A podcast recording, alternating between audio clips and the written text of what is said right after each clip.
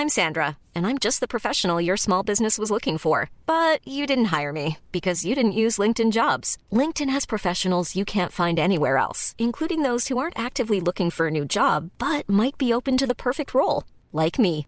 In a given month, over 70% of LinkedIn users don't visit other leading job sites. So if you're not looking on LinkedIn, you'll miss out on great candidates like Sandra. Start hiring professionals like a professional. Post your free job on linkedin.com/people today. It's that time of the year. Your vacation is coming up. You can already hear the beach waves, feel the warm breeze, relax, and think about work. You really, really want it all to work out while you're away. Monday.com gives you and the team that peace of mind. When all work is on one platform and everyone's in sync, things just flow wherever you are.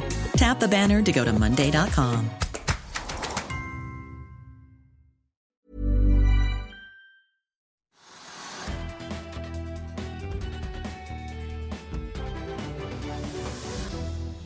En riktig god torsdag og velkommen til Økonominyhetene på en dag der prisveksten i Norge viser seg nok en gang å øke og blåse over Norges Banks egne prognoser. Og der et av landets største oljeprosjekter legges på is, bl.a. fordi prisene stiger for mye. Mer om det straks. Kalenderen viser altså 10. november. Det blir en tettpakket sending i dag. Vi skal snakke strøm og energi med Statnett, Pareto og olje- og energiministeren. Og så har aksjekommentator Karl Johan Molnes og jeg tatt en prat med Nyco Therapeutics-sjefen, som etter å ha landet to store partnerskap med amerikanske Regeneron og Genentech, nå er på frierferd for å finne en tredje partner til en av selskapets eh, kreftvaksiner. Men først la oss ta en titt på markedet akkurat nå, like før vi da får de amerikanske inflasjonstallene. Hovedveksten på Oslo Børs endte ned 0,6 i går. I dag har vi ligget ned eh, rundt 1,2 etter lunsj. Og eh, rundt oss i Europa så er det egentlig relativt grønt i dag, så Norge skiller seg negativt ut i så måned. Vi så at, at markedene i Asia falt eh, tidlig på morgenen i dag. Falt eh, det gjorde det også på Wall Street i går, der Nasdaq ledet dagen med et fall på 2,5% De to andre store indeksene, Dow Jones og SMP, ned rundt 2% begge to. Futuresene peker imidlertid mot en oppgang når aksjemarkedet tikker i gang om en times eh, tid.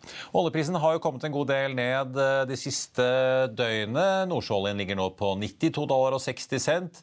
Litt opp fra det nivået vi så sent i går eh, kveld, men altså godt under nivået på 95-96 dollar vi så tidligere i uken. Den amerikanske lettoljen på 85,70, også den ganske mye ned. Vi har jo sett den ligge over 90 dollar fatet så sent som for noen få dager siden. Oljefallet siden da i går og foregårs det skyldes bl.a. av nye oljelagertall fra USA. I tillegg så tynges prisen også av eh, spekulasjoner om eh, da, etterspørselen i Kina.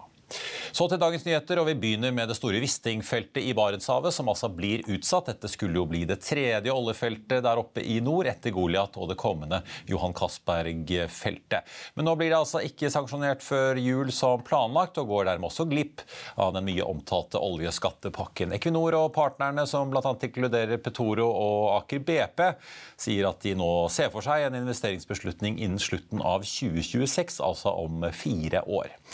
Aker BP og Equinor forklarer dette med kostnadspress både generelt i samfunnet og også hos eh, leverandørene, pluss at kapasiteten i leverandørindustrien er presset. De peker også til slutt på skatteendringene som regjeringen foreslo i tolvte time i statsbudsjettet før oljeskattepakken, altså, eller fristen for å sende inn søknader under oljeskattepakken får jeg si, går ut ved nyttår. Der de altså foreslår å kutte den såkalte friinntekten, eller dette ekstra investeringsfradraget, ganske betydelig. Til sammen gjør dette at man ikke får feltet lønnsomt nok, skal vi tro børsmeldingene fra Equinor og Aker BP. Prislappen på utbyggingen har nå økt, viser nye estimater.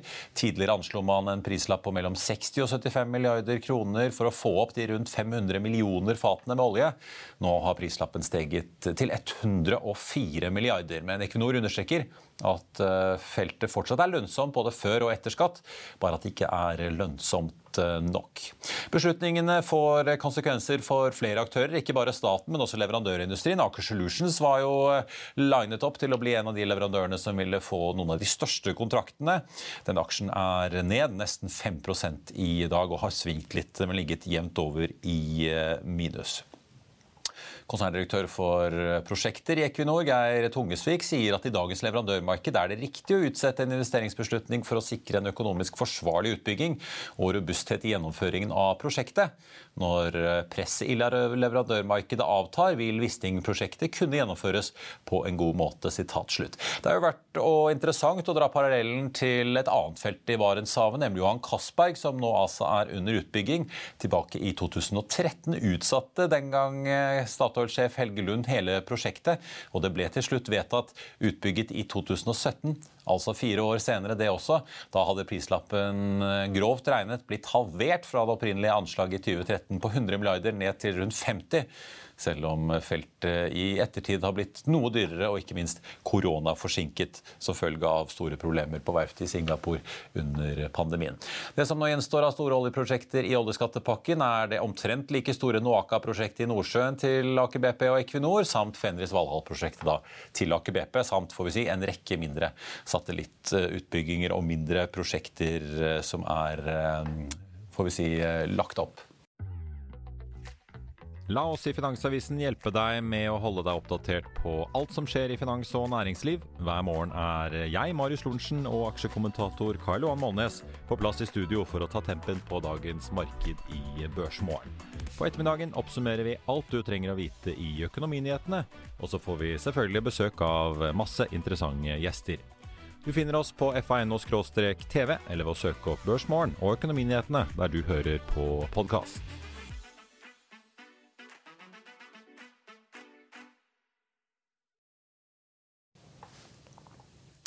Autostore leverer svakere tall enn eh, ventet. Driftsinntekten endte på 148 millioner dollar i kvartalet. Det var ventet 1,52. Men så skal det jo da sies at inntektsveksten tross alt var på over 70% mot samme periode i fjor.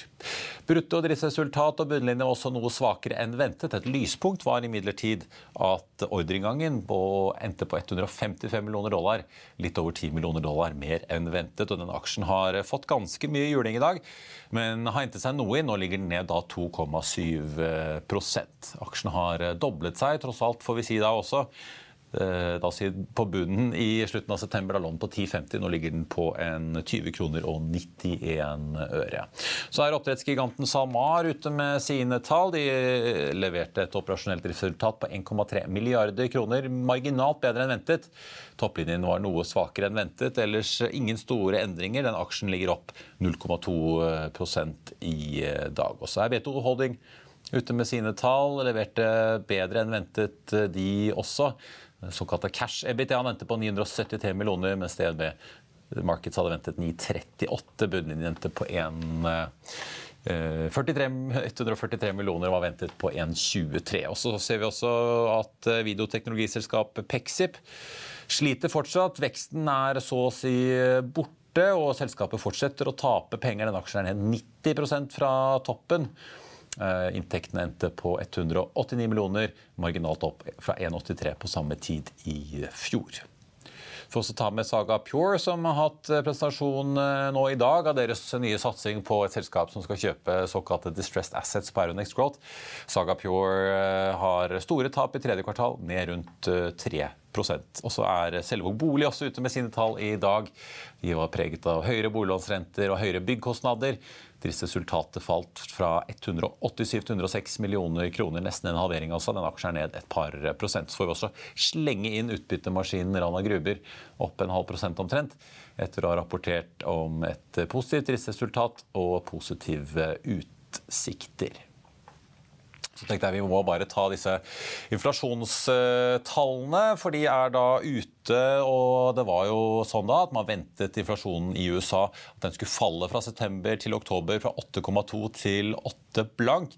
Den har nå endt på 7,7 Kjerneinflasjonen i USA er også ute. Den tikket opp 0,3 fra måned til måned og eh, var ventet å ende da på 6 eh, får vi si, stabilt i, eh, i kvartalet. Så skal jeg komme tilbake til å finne årsendringen på den.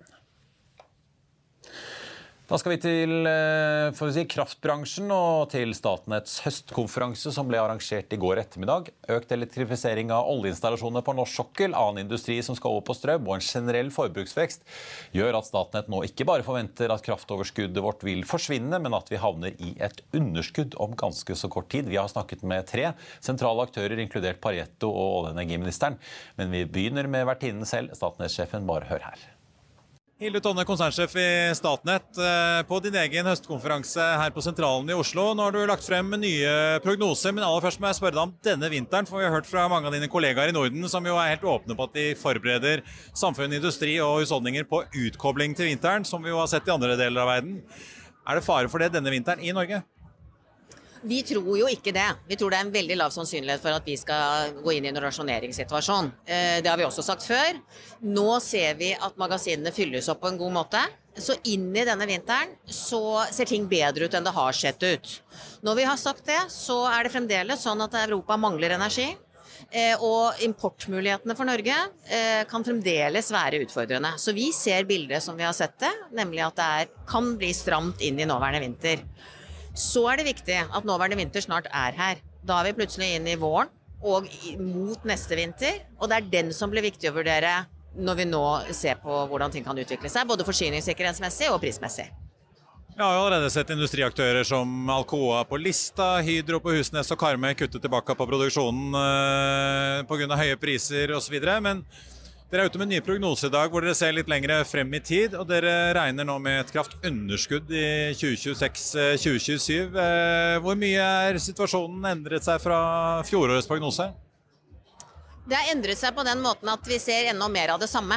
Vi ser at forbruket går ganske så kraftig opp, og det er et ønske om industrialisering. Og det er mange industrialiseringsprosjekter som henvender seg til Statnett og ønsker tilknytning. Eh, og så ser vi at vi fremdeles mangler oppmerksomhet og eh, ønske om tilknytning av produksjon. Av de tilknytningssakene som vi vurderer nå, så er over 90 eh, industriprosjekter. Og i størrelsesorden 7% produksjonstilknytning. Det er altfor lite i forhold til hva vi kommer til å trenge hva gjelder en kraftbalanse. Så vi ser at vi går i negativ kraftbalanse i 2027 hvis dette fortsetter. Da kommer jo selvfølgelig diskusjonen om uh, nye investeringer i mer energi, og mer energi på samme tid, nemlig effekt. Flere av de store kraftkonsernene sier de har, uh, om ikke skrinlagt, i hvert fall lagt på hold en god del investeringsplaner etter uh, forslaget til statsbudsjett med dette, både en økt grunnrenteskatt og også dette høyprisbidraget. Hva mener dere i Statnett om disse skatteendringene? Legger det en demper på investeringslysten til bransjen? Vi mener at det som er viktig å fokusere på i akkurat den diskusjonen der, er investeringer i effekt. Og hvis det er sånn at høyprisbidraget hindrer investering i effekt, så vil vi mene at vi bør diskutere det litt mer.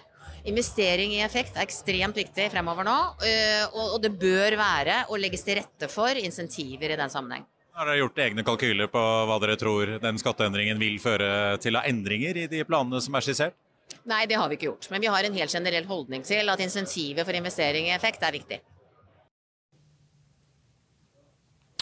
Da er vi tilbake, og vi ser at Oslo Børs faktisk har snudd til pluss, og Europa har også blitt grønnere, og futuresene på Wall Street ligger ganske også fint i grønt nå, etter disse ganske overraskende inflasjonstallene fra USA, som eh, viser at inflasjonen i verdens største økonomi faller mer enn eh, ventet. Det var altså ventet at inflasjonen fra september til oktober skulle falle fra 8,2 til 8 blank, eller 7,9 da målt på årsbasis i området der endte på 7,7% Ser vi på kjerneinflasjonen, som i USA da ekskluderer mat og energi, så var det ventet at den skulle ligge stabilt på 6,6% Den har nå endt på 6,3 Eh, og Det virker jo da å gi en god fart til markedet. Vi ser Oslo Børs har eh, omtrent hoppet eh, et prosentpoeng bare på noen få minutter. Vi må også ta for oss de norske inflasjonstallene, som viser noe ganske annet enn utviklingen i USA. De endte nemlig langt høyere enn de fleste ventet. Mens det var ventet at inflasjonen her hjemme skulle øke fra 6,9 til 7,1% på årsbasis i oktober, ifølge konsensustall fra DME Markets, så endte de altså på 7,5% og det er da etter etter at man har regnet med strømstøtten. Og dette er også langt over Norges Banks egen forventning, som var på 5,8% Kjerneinflasjonen, som i Norge altså betyr at man justerer for energi- og avgiftsendringer.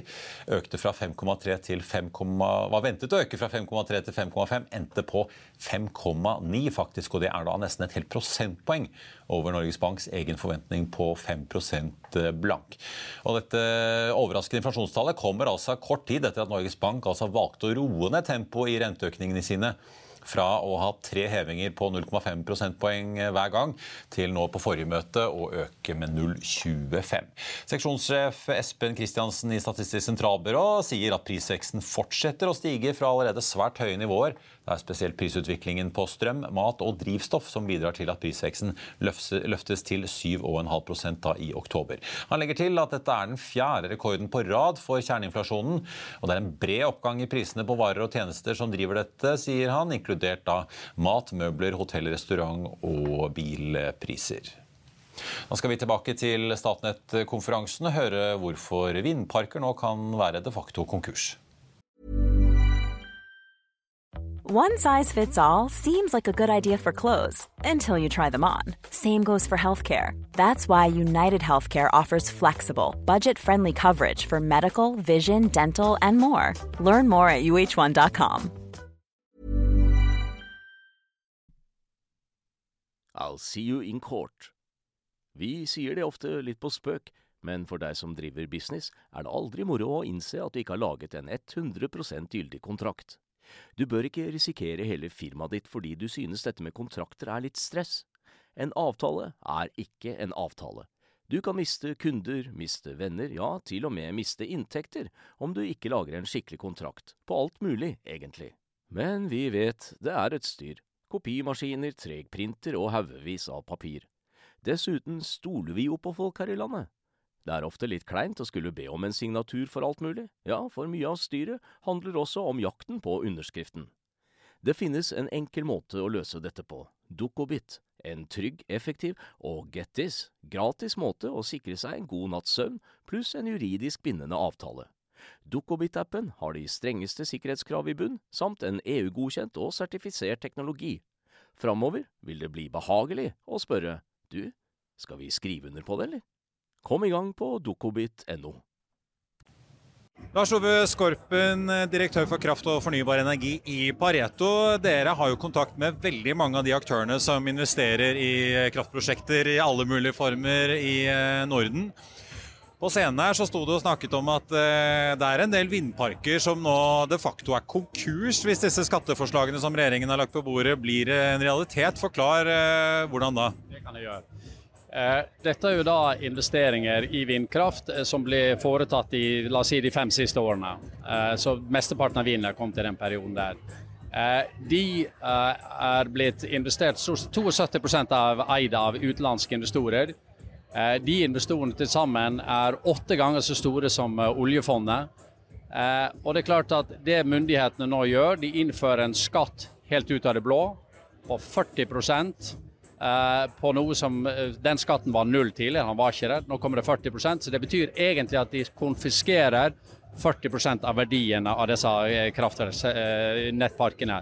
Så det er klart, når vi har sett og regna på dette her, så ser vi at litt avhengig av når de, hvor langt de er kommet med avskrivninger, så mer enn halveres verdien av de. Og det er klart, når 50% av de er finansiert med gjeld, eller 50% gjeld på de, så er realiteten egenkapitalen borte for svært mange av de. Så de er jo egentlig konkurs hvis dette regelverket eh, blir eh, iverksatt.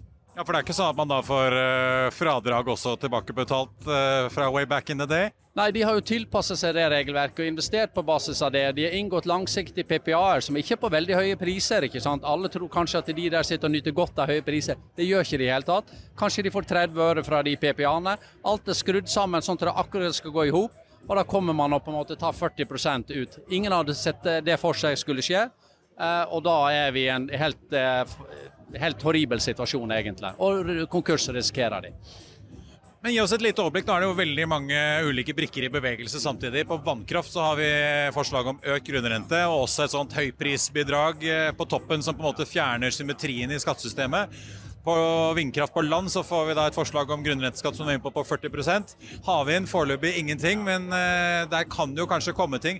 Kan du gå gjennom de tre og, se, og, si litt hva er det investorene på en måte tenker og potensielt gjør nå? Vi har jo hørt noen aktører snakke om at de legger prosjekter i skuffen. Altså, dette er jo dårlig nyhet for Norge i forhold til eh, persepsjon av stabilitet på rammevilkår. Eh, vi hadde jo Gassled-saken for noen år siden. Uh, og nå kommer det på en måte dette her opp, uh, og dette er i mitt hode mye mye verre enn det. Uh, så forutsigbarheten er borte. og Det gjør at risikovurderingen av Norge som sted å investere i er forverra. Og det gjør nok at mange vil heller velge Finland og Sverige framover enn å investere i Norge. Og så altså Vindparker er én ting, men noe annet er jo også det som skjer da i forhold til den nye toppskatten. Eh, Høyprisbidrag er vel det populære navnet. Det er jo ikke noe annet enn en høy eh, marginalskatt. Det betyr jo at eh, for de som ønsker å bygge ut mer effekt, eh, dvs. Si å kunne produsere eh, på, på, kortere tid når prisene er høye, så får du plutselig 90% skatt. Det er klart, Da er ingen interessert i å investere i den type anlegg. Du dro parallellen her på scenen at det er bedre å investere i batteri enn en, en, pumpe på et vannkraftanlegg? Det er akkurat det som er situasjonen.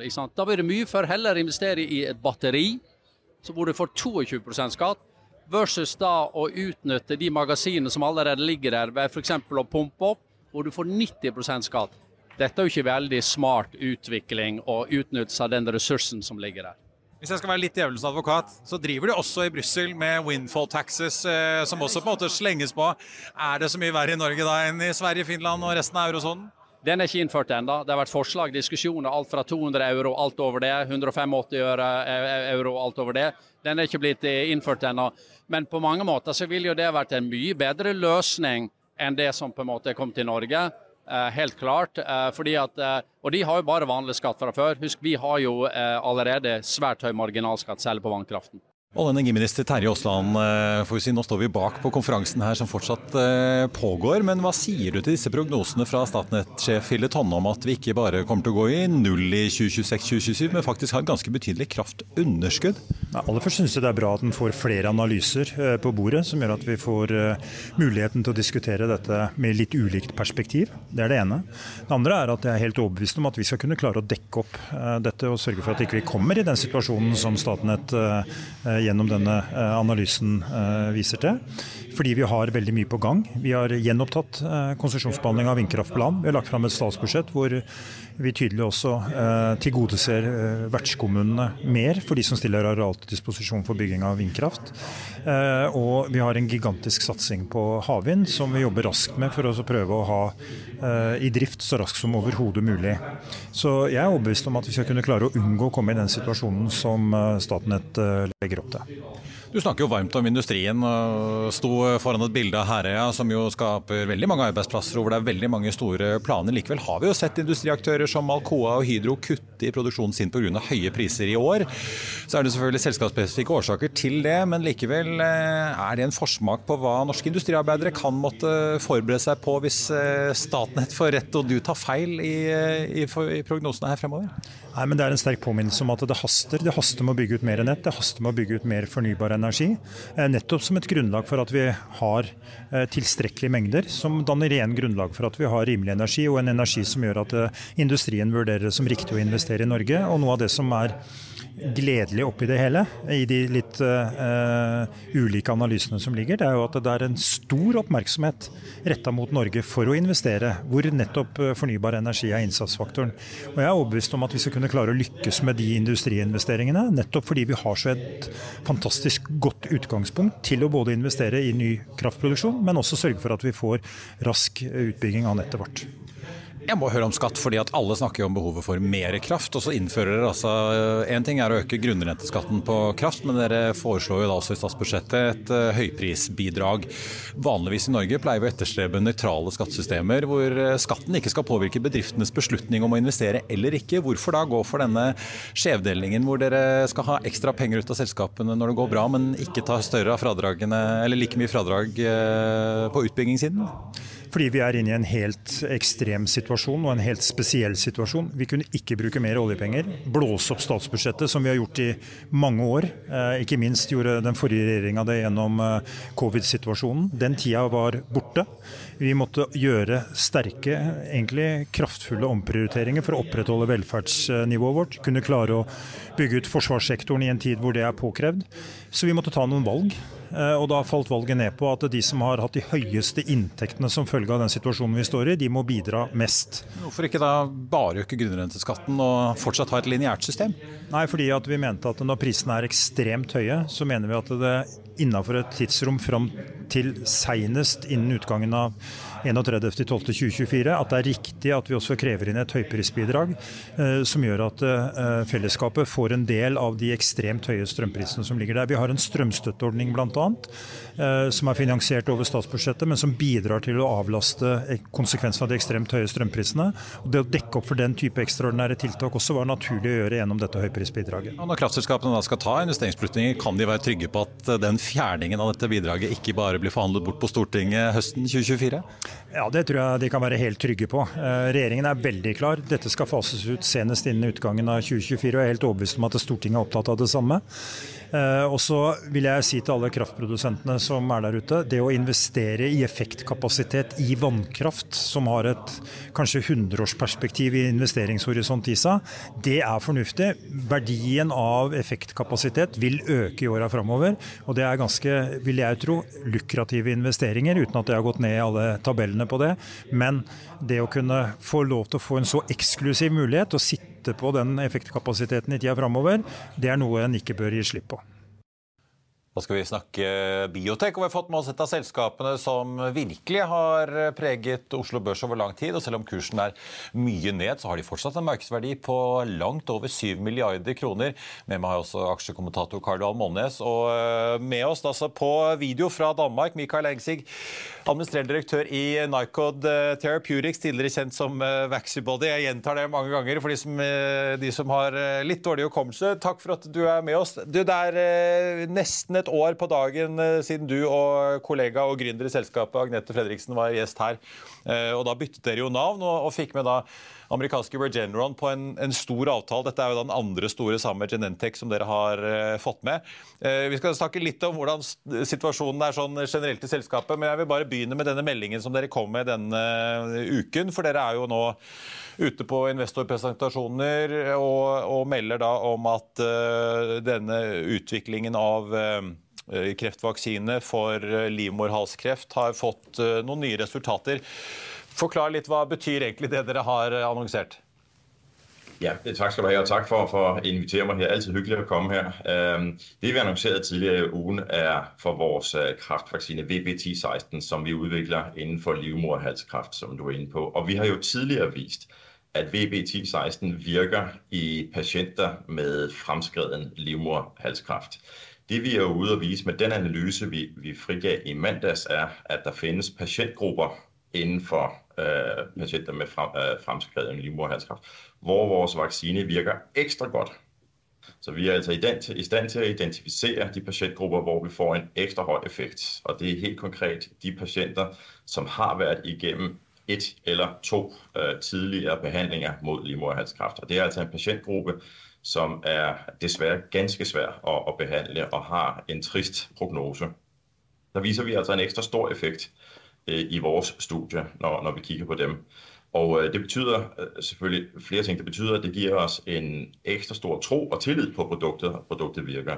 Men det er også vigtig information for os, når vi skal beslutte, hvor vi skal udvikle vores produkt videre frem. Hvilke markeder og hvilke patientpopulationer vi, vi ønsker at, at fokusere på og prioritere. Så, så det er vigtig information både for, for markedet, men, men også for os uh, i vores videre strategi.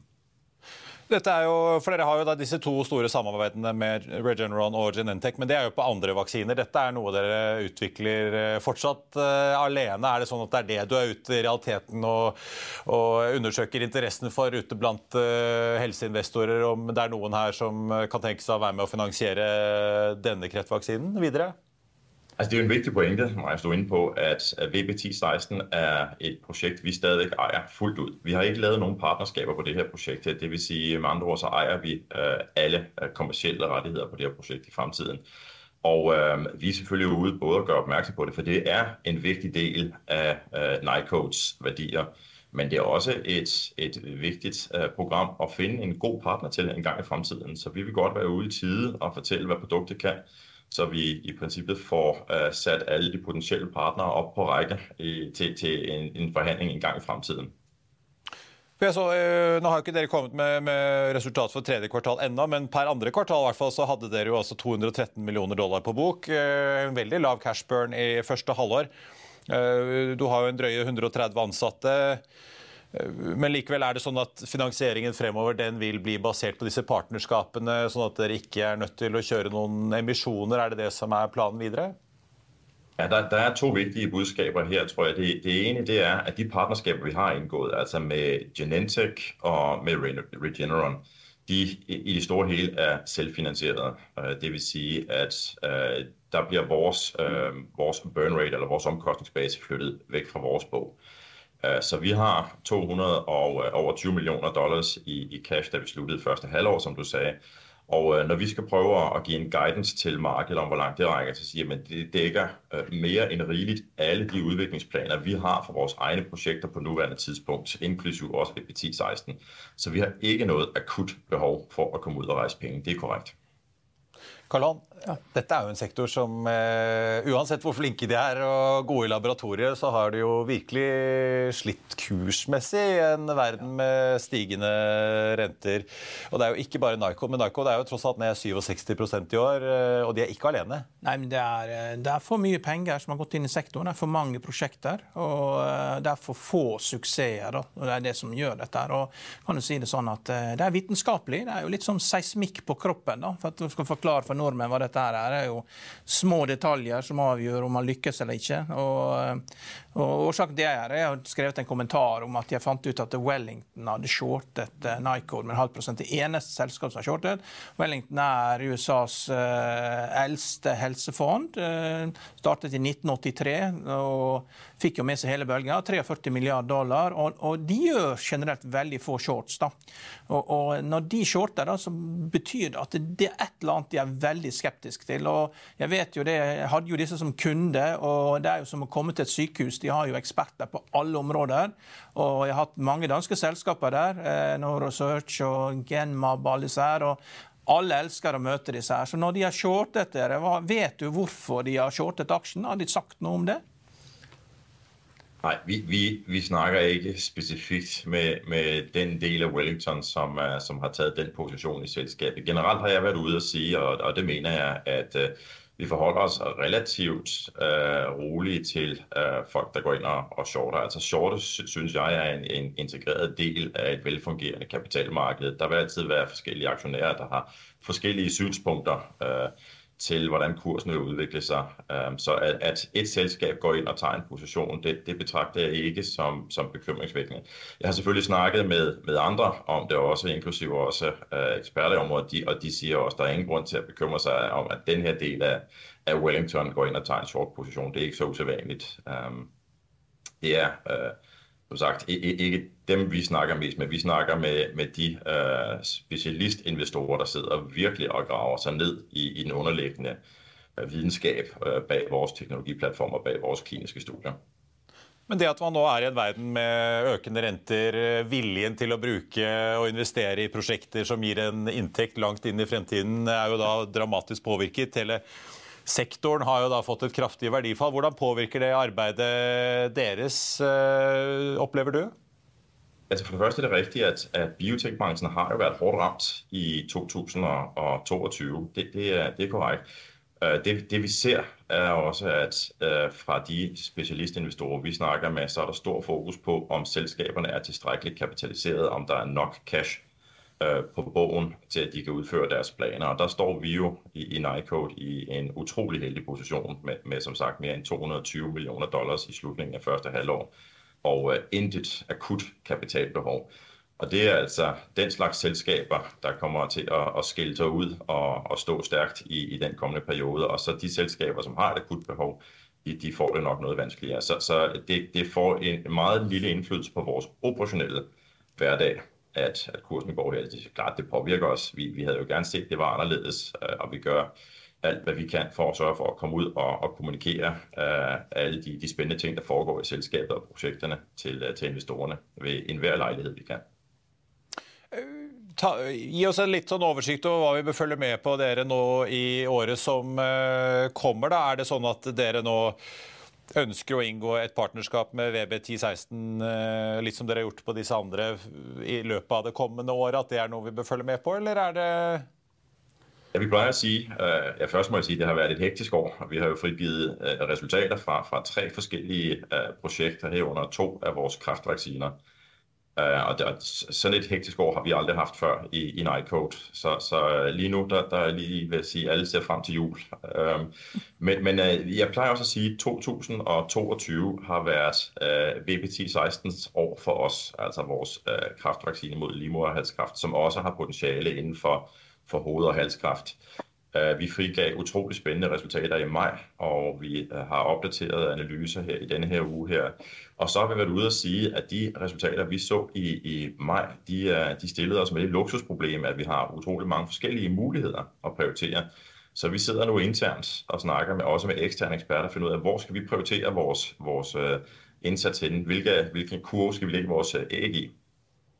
Og det kommer vi tilbage og fortæller markedet om i løbet af 2022, altså inden for, inden for de næste to måneder kommer vi at sige, at det, det er sådan her, vi ser markedet, og her vil vi prioritere. Ja, så før, før nyttår så kommer dere med en afklaring på det? Ja. ja, der kommer en afklaring på det. Og det andet, vi har, har lagt op til, det er, uh, det var jo uh, interim data, vi, vi annoncerede i maj, og uh, i løbet af første halvår næste år, der vil vi komme med uh, data fra det samme studie, men hvor alle patienter har været igennem hele behandlingsforløbet.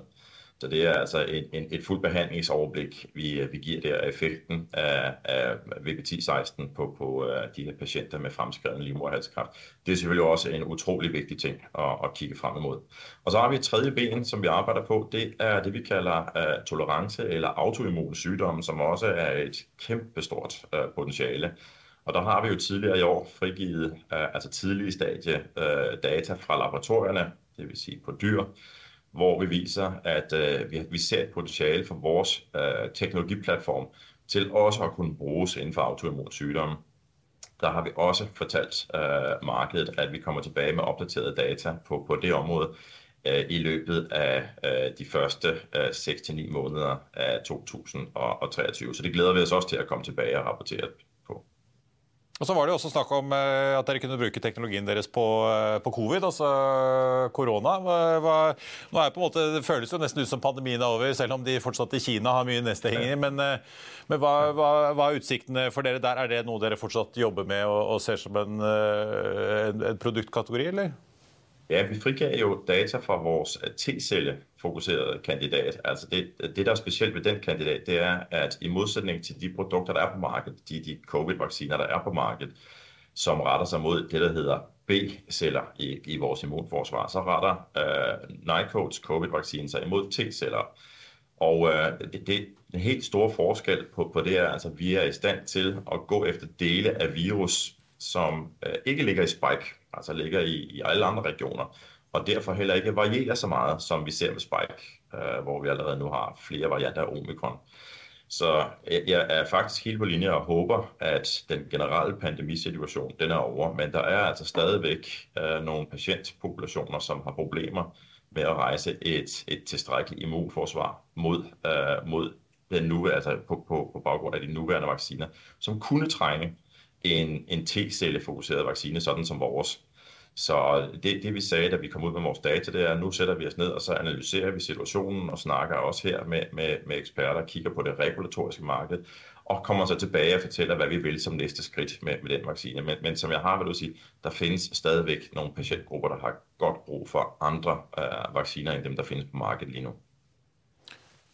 Ja, jeg tenkte Det blir vel såpass mye at du kanskje rett og slett må velge bort noe etter hvert i denne porteføljen ja. Ja. din. Kan det være at dere selger ut noe rett og slett, fordi at dere må prioritere menneskene og, og kapitalen? Altså, jeg, jeg tror ikke, vi, vi får ikke brug for at sælge noget ud, men, men uh, du var selv inde på, på partnerskaber før, uh, og det, det tror jeg ikke, jeg fik svaret på. Uh, vi, vi kommer til på et eller andet tidspunkt at indgå et partnerskab med vores VPT16, men det bliver ikke for at sælge noget ud, det bliver for at finde, finde den rette partner, der kan være med til at accelerere udviklingen af vores produkt, og kan være den, der kan tage den på markedet. Vi har ikke travlt med det, skal jeg skynde mig at sige. Altså, vi har både nu kapitalen, og vi har kompetencerne til at kunne tage det videre. Men på et eller andet tidspunkt, så kommer vi, vi formentlig ud og, og søger efter den helt rette partner til at tage det videre. Det, det er nok det, jeg lige vil, vil fokusere på, på på kort sigt. Og så har vi jo vores spændende program, projekter, der kører med Regeneron. Uh, og der, der, det er jo begrænset, hvor meget vi kan få lov til at kommunikere. Men der er, er fuldt tryk på kedlen i laboratorierne på de projekter også. Så, så der er jo også forhåbningsfuldt, at på et eller andet tidspunkt, så kommer der også til å dryppe noen nyheter ut fra de prosjekter. Jeg er sikker på at uh, kommunikasjonsavdelingen i Regeneron vil ha et ord med i laget om hva dere får lov til å si eller ikke. Men vi skal i hvert fall følge med på uh, Newsweb uh, da frem mot jul og nyttår på VB1016-prosessen også. Mikael Egsig i Nyco, takk skal du ha for at du var med oss. Ha det bra. Ja, selv takk. En fornøyelse. Ja. Vi må nesten se på disse ganske kraftige utslagene som inflasjonstallene fra USA har gitt oss. bare for å minne oss selv på det. Altså Inflasjonen på KPI-nivå i USA i september 8,2% falt altså til 7,7% i oktober måned fra september til oktober, altså på årsbasis. Økning for måneden da på 0,4. Ser vi på kjernen, som er da X mat og energi, falt fra 6,6 til 6,3. Det var ventet en stabil utvikling. Dette har påvirket både aksjemarkedet og rentemarkedet. Vi ser på tiåringen på statsobligasjonen i USA. Der har eh, yielden nå sust ned. Vi har ikke sett et nivå under 4 siden 2.11. Nå ligger vi på 3,90 3,92. Vi har vært helt nede i 3,90. Ned da 4% bare så langt i dag. Ser vi på toåringen, den ligger ned og ned 4,3% til en yield på 4,38. Også den kraftig ned. Eh, vi så den ene i går eh, på 4,57 og gått opp 4-6-tallet i løpet av eh, dagen.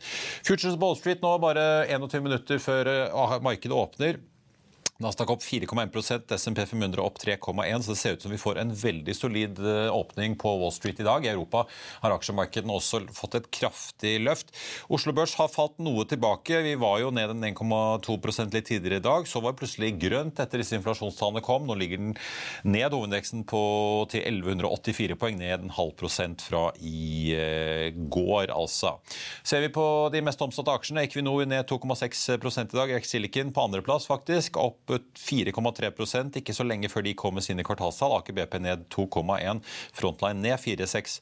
Så har vi da Storebrand og Nordic Semi opp en halv og 5,3% henholdsvis. Vi må innom noen av disse selskapene som har sluppet talldag og for så vidt er påvirket av nyheter. Aker Solutions, en av de får vi si, taperne i dag, ned nå fortsatt nærmere 5% 4,95 nå. De blir jo da selvfølgelig påvirket av at Wisting-feltet i Barentshavet ikke blir noe av den nærmeste tiden. Aker Solutions lå jo an til å vinne store milliardkontrakter. Nå har aksjen faktisk bikket ned i minus 5% Autostore også ned 5 etter at de kom med sine kvartalstall, som eh, viser til en eh, kraftig vekst, men ikke like mye som analytikerne hadde regnet med. SalMar ute med tall i dag, ned 1,2% etter det tallslippet. Pexip, en av de store taperne, har hentet seg litt inn fra nivåene vi så tidligere i dag, men fortsatt ned nesten 9% etter kvartalsrapporten, som viser en eh, så å si nullvekst for videokonferanseselskapet. Saga Pure uten metall har tatt noen tap, ned 6,4 Selvåg bolig, som også merker en oppbremsing i boligmarkedet, ned 1,7% Så var det Nyco da, som vi snakket med akkurat, opp 4 i dag. Den aksjen har jo vært før dagen i dag ned 67% da siden nyttår. Og Det er jo da i en sektor hvor veldig mange aksjene har fått ordentlig juling. Saptek har eh, blitt, eh, eller fått kursmålet sitt kuttet av Pareto, får jeg si. Den aksjen er ned 4% Og så har vi da Movi, hvor analytikerne oppjusterer estimaten av kursmålene etter at de kom med sin kvartalsrapport i går. Den aksjen ligger og vaker rundt null på 155 kroner og 20 øre. Der øker bl.a. Carnegie kursmålet fra 1,68 til 1,82. SEB Pareto, BNP og Arctic oppjusterer også sine estimater der. Og så får vi også ta med da Equinor, som er ned 2,6% i dag. DB Markets har nå droppet sin kjøpsanbefaling på Equinor og senker også kursmålet noe da på Norges største selskap og største aksje. I Finansavisen i morgen så skriver Trygve Hegnar om Arbeiderpartiets reise fra 36,9 til 16,9. Du kan lese om uh, hvordan gjelden i SalMar blåser opp fra 6,4 til 18,6 milliarder kroner etter de mange store oppkjøpene som er gjennomført denne høsten. Så kan du lese om salgsstupet for Selvåg bolig, og hvordan en av landets mest kjente tradere, Sven Egil Larsen, har kastet seg på emisjonen i Flyr. Så jeg bare slenger på at uh, Flyr-aksjen har jo svingt noe voldsomt. Uh, Trygve har jo kalt kalt rene pyramidespillet. Det skal jo trykkes opp inntil da 70 milliarder aksjer i et selskap som har langt under milliarden i aksjer i dag. Noen hundre millioner aksjer der. Nå ligger den på 8,8 øre, opp 7,4% så får vi si. Men den svinger mye. Så der er ikke fasiten ferdig før 16.30.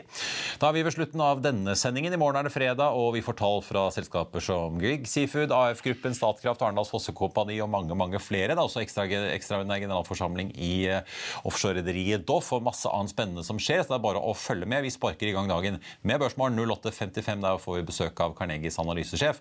Og så kommer Økonominyhetene 13.30 da, siden det er fredag. Da skal vi snakke bl.a. om julehandelen og få noen ferske prognoser på den. Før den tid så får du selvfølgelig sitte nytt på fa.no. Mitt navn er Marius Lorentzen. Tusen takk for at du så eller hørte på. Ha en riktig god dag videre. Takk for nå.